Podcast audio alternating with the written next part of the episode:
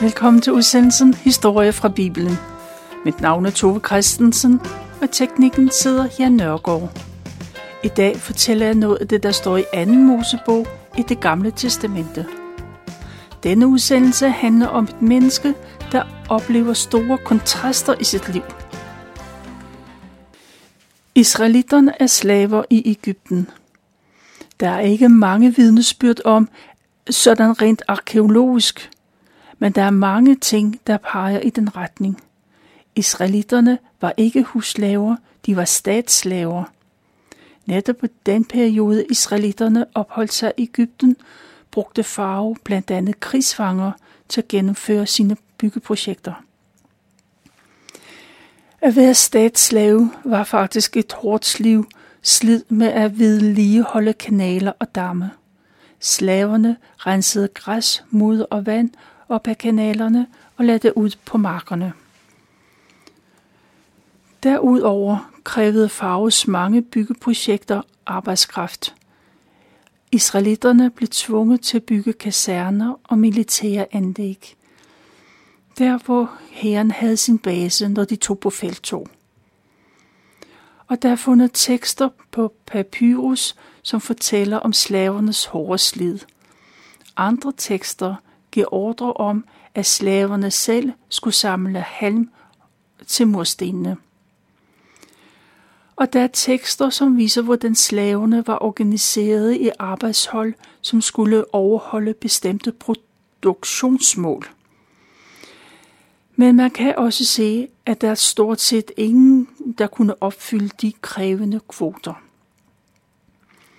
Pisken er i min hånd, vær ikke doven. Sådan står der på en billedfrise, der er fundet i en gravhule. Og billedet viser, hvordan slaver hakker løs på ler, og for øh, skuldrene af slaven er der kurve fuld af ler blandet med vand. Man ser, hvordan leret anbringes i særlig støbeforme, der tør ind i solen. De færdige mursten stables, så de ikke vælter.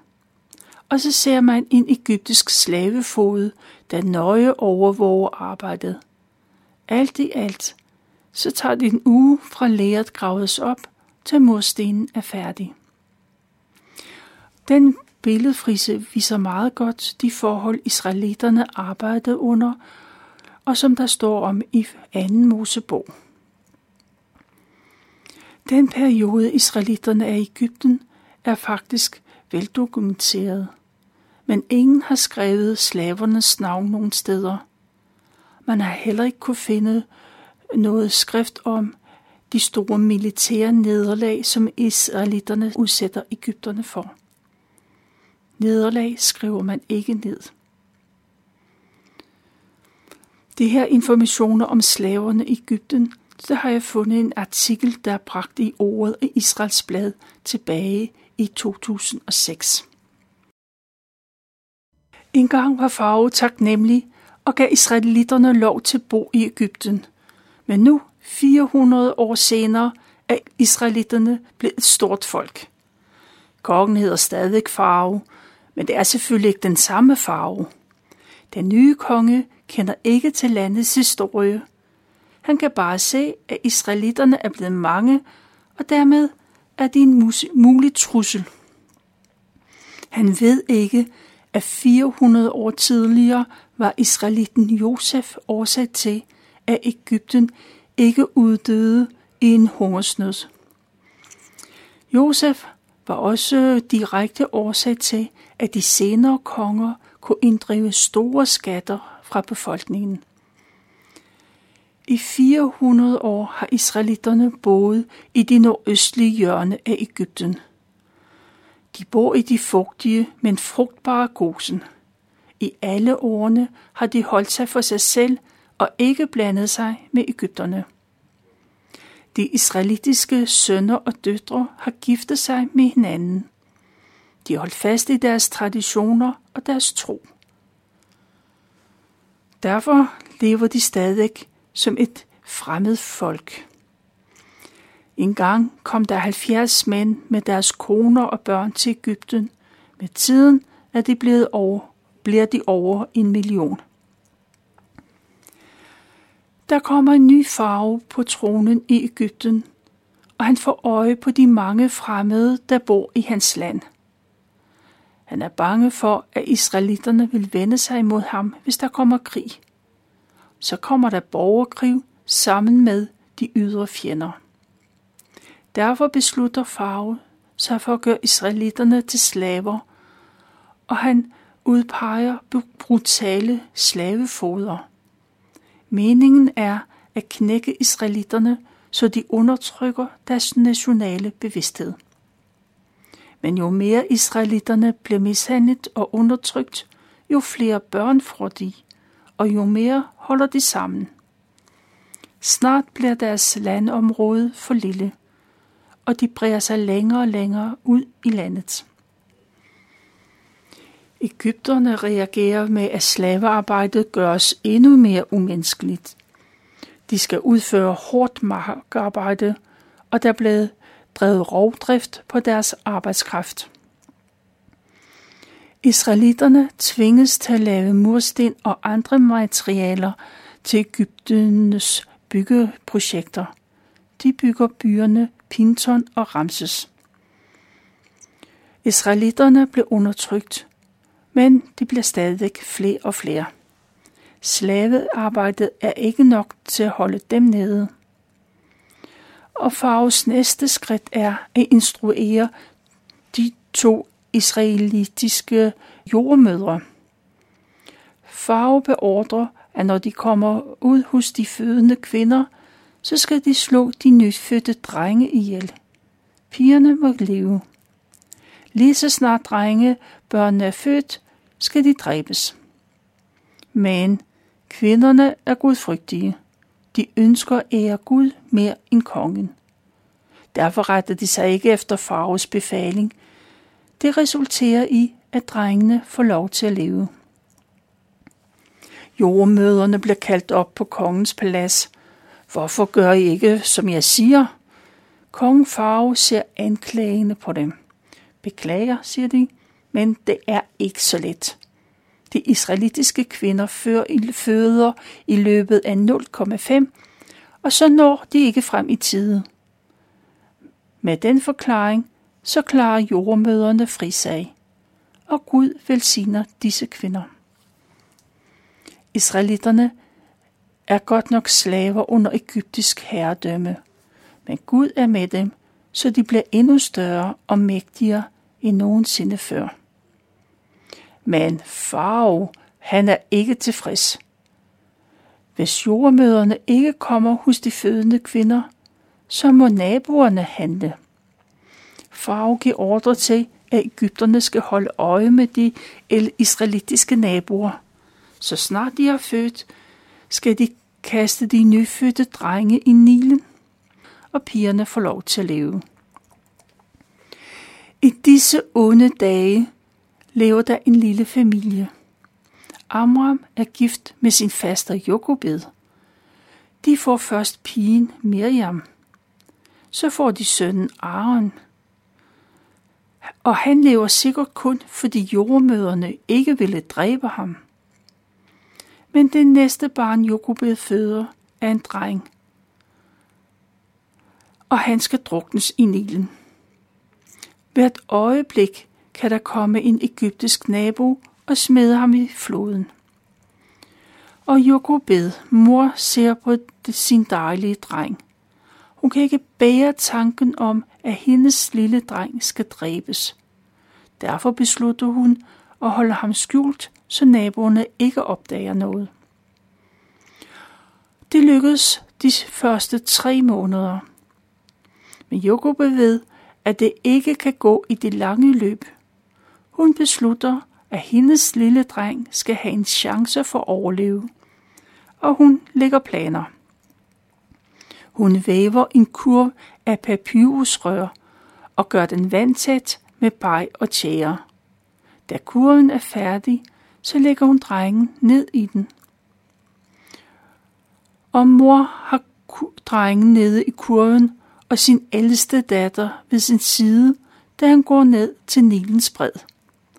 der sætter hun kurven mellem sivene, og mor siger til Miriam, at hun skal gemme sig i nærheden, og så viser hun, hvor hun kan stå. Fra sit skjul siger Miriam, at prinsessen kommer ned til Nilen. Hun er en af Faros døtre, og hofdamerne går frem og tilbage inde på bredden. Prinsessen går selv ud i Nilen og begynder på det hellige ritual, som hun har gjort sig klar til. Ude i vandet får hun øje på kurven, der står mellem sivene, og hun sender en af hofdamerne hen efter den. Da prinsessen løfter låget på kurven, ser hun en lille baby, der ligger der. Og i det samme begynder drengene at græde, og det berører prinsessen dybt i hendes hjerte. Hun er klar over, at det må være en af israeliternes drenge. En dreng, hun bør drukne, men det kan hun ikke få sig selv til. Prinsessen, hun vil tage drengen til sig. Hun ved godt, at det ikke er unormalt, at ikke kongelige vokser op på slottet. Det er der flere andre, der gør. Men det unormale er, at det er en israelit, der er fundet i en kurv i Nilen. Prinsessen står og ser på drengen. Så kommer Miriam frem fra sit skjul. Hun tilbyder at finde en israelitisk kvinde, der kan være amme til barnet. Og prinsessen er glad, for drengen skal have en amme, hvis han skal overleve. Prinsessen skynder sig at sige ja, og Miriam løber. Snart er hun tilbage sammen med mor Jokobed. Ingen fortæller, at det er barnets mor, der skal være amme, men måske har prinsessen en anelse om det. Kvinderne blev enige om en ordning. Jokobed skal tage den lille barn med hjem og amme ham. Hun skal nok få betaling for det arbejde. Når drengen er vendet fra, skal hun komme op på paladset med ham. Den lykkelige mor går med sin lille dreng i armene. Hun har fået lov til at beholde ham, i hvert fald et stykke tid, for på den tid bliver børnene ammet i flere år. Mor Jokobed og far Amram er lykkelige. De har alle deres tre børn omkring sig. Som alle andre israelitiske forældre, så lærer de deres børn om Gud Herren. De fortæller, at Gud på en særlig måde var med deres forfædre Abraham, Isak og Jakob. De fortæller beretningerne om, hvordan Gud har lovet, at deres folk engang skal blive et stort folk, og de skal bo i Kanaans land til evig tid. Det er hårdt lige nu, men der kommer andre tider, for Gud vil holde sit løfte. Amram, Jokobed, Miriam, Aaron, de holder alle sammen meget af den lille dreng. Årene går, og drengen skal vendes fra. Mor er klar til at overholde sin del af aftalen. Hun tager drengen i hånden, og sammen går de op til paladset. Prinsessen adopterer den lille dreng og kalder ham for Moses. Nu er Moses ikke længere søn af en slave, men søn af en prinsesse. Moses får en helt nyt liv oppe på det mægtige Faros slot. Han får nye smukke klæder og den bedste uddannelse. Han lærer om al Ægyptens visdom, og han bliver kendt med deres religioner. Han lærer sikkert om de egyptiske guder, om hvordan man tilbeder dem. Han læser mange slags bøger og lærer, hvordan man fører regnskab. Og så tager han selvfølgelig del i den underholdning, der er. Men noget tyder på, at Moses ikke føler sig godt tilpas ved hoffet. Han lever og bor i de fine sale og gemakker. Men han er ikke ligesom de andre rige unge mænd. Han føler ikke, at han hører til i alt den overflod. Moses husker sin mor og far og ved, at han i virkeligheden hører til et helt andet folk. Men Moses lever en beskyttet tilværelse, langt fra det liv, hans landsmænd må leve. Han kender ikke de umenneskelige forhold, slaverne stadig lever under. Da Moses er 40 år, får han en stor lyst til at opsøge sit eget folk. Han er på byggepladsen og ser, hvordan israelitterne arbejder hårdt i den varme sol. Så går han forbi sine landsmænds huse og ser de nedslidte mennesker. Han ser håbløsheden i deres øjne. Og Moses bliver vidne til en episode, der rører ham dybt. En egyptisk opsynsmand gennembanker en af de israelitiske slaver. Han bliver straffet hårdt og brutalt. Og Moses føler, at han må reagere. Han ser sig hurtigt om for at sikre sig, at de også er alene. Så går Moses hen til den voldelige opsynsmand og slår en bro på næven. Moses ser manden falde om og er død. Moses ved godt, at det kan få konsekvenser, det han har gjort.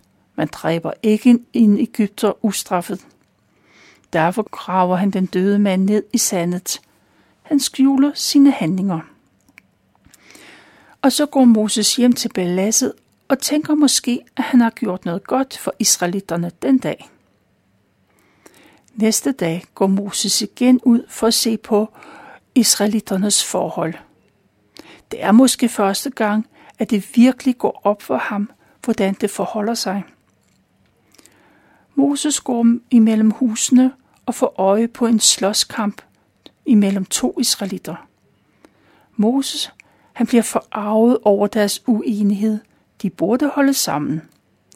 Og Moses råber til ham, der startede slåskampen. Stans, råber han. Du slår dig ikke på en af dine landsmænd.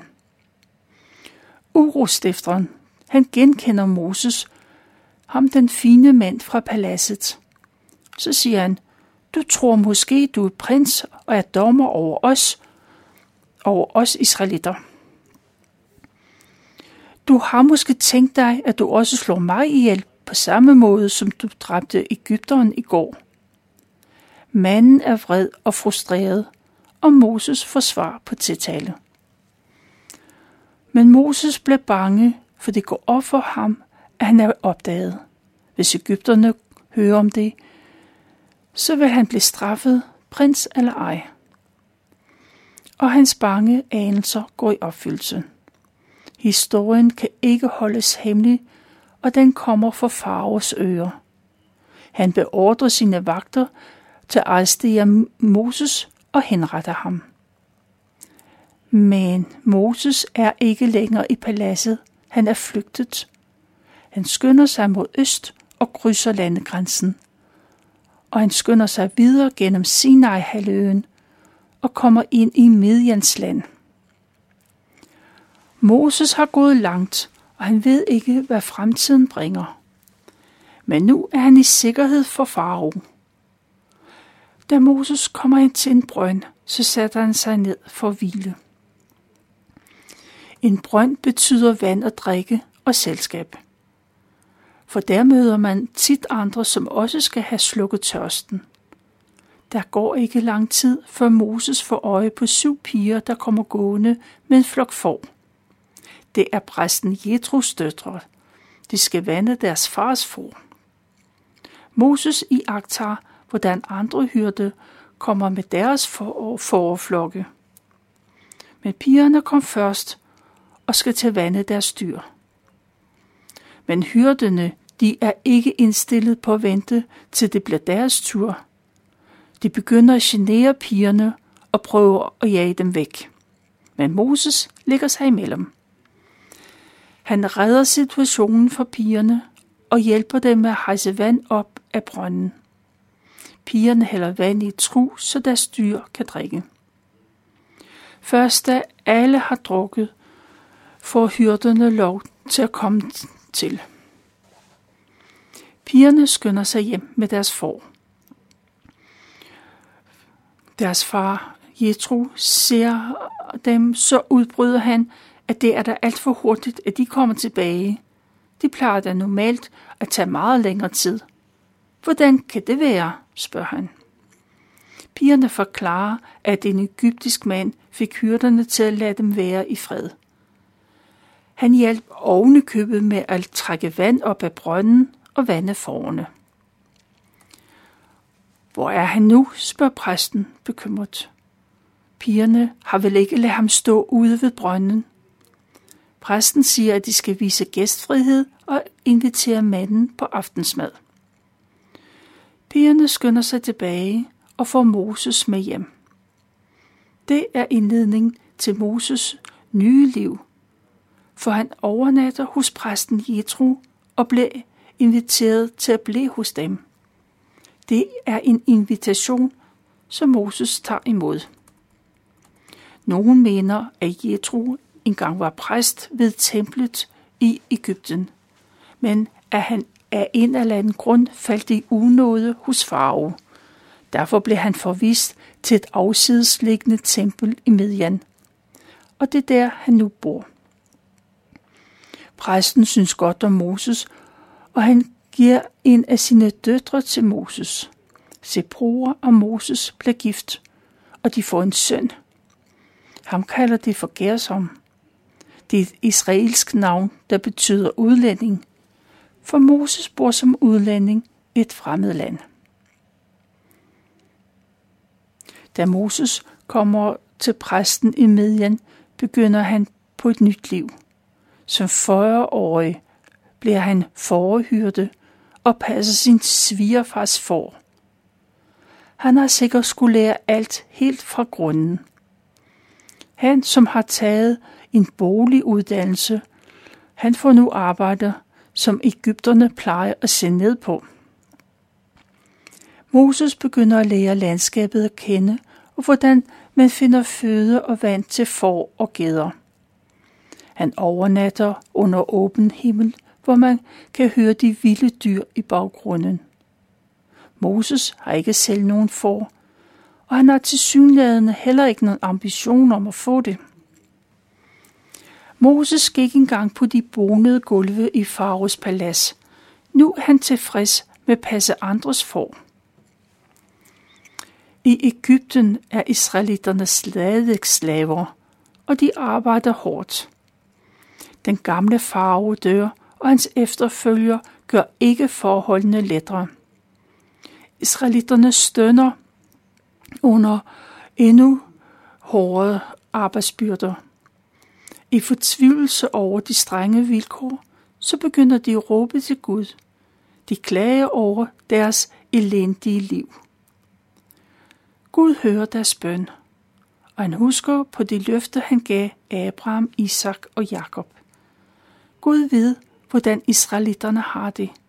Han har dyb medfølelse med dem, med dem og deres situation. Gud handler på det, og han kalder Moses til at udfri dem fra slaveriet. Det er, hvad jeg har valgt at fortælle fra 2. Mosebog, kapitel 1 og 2.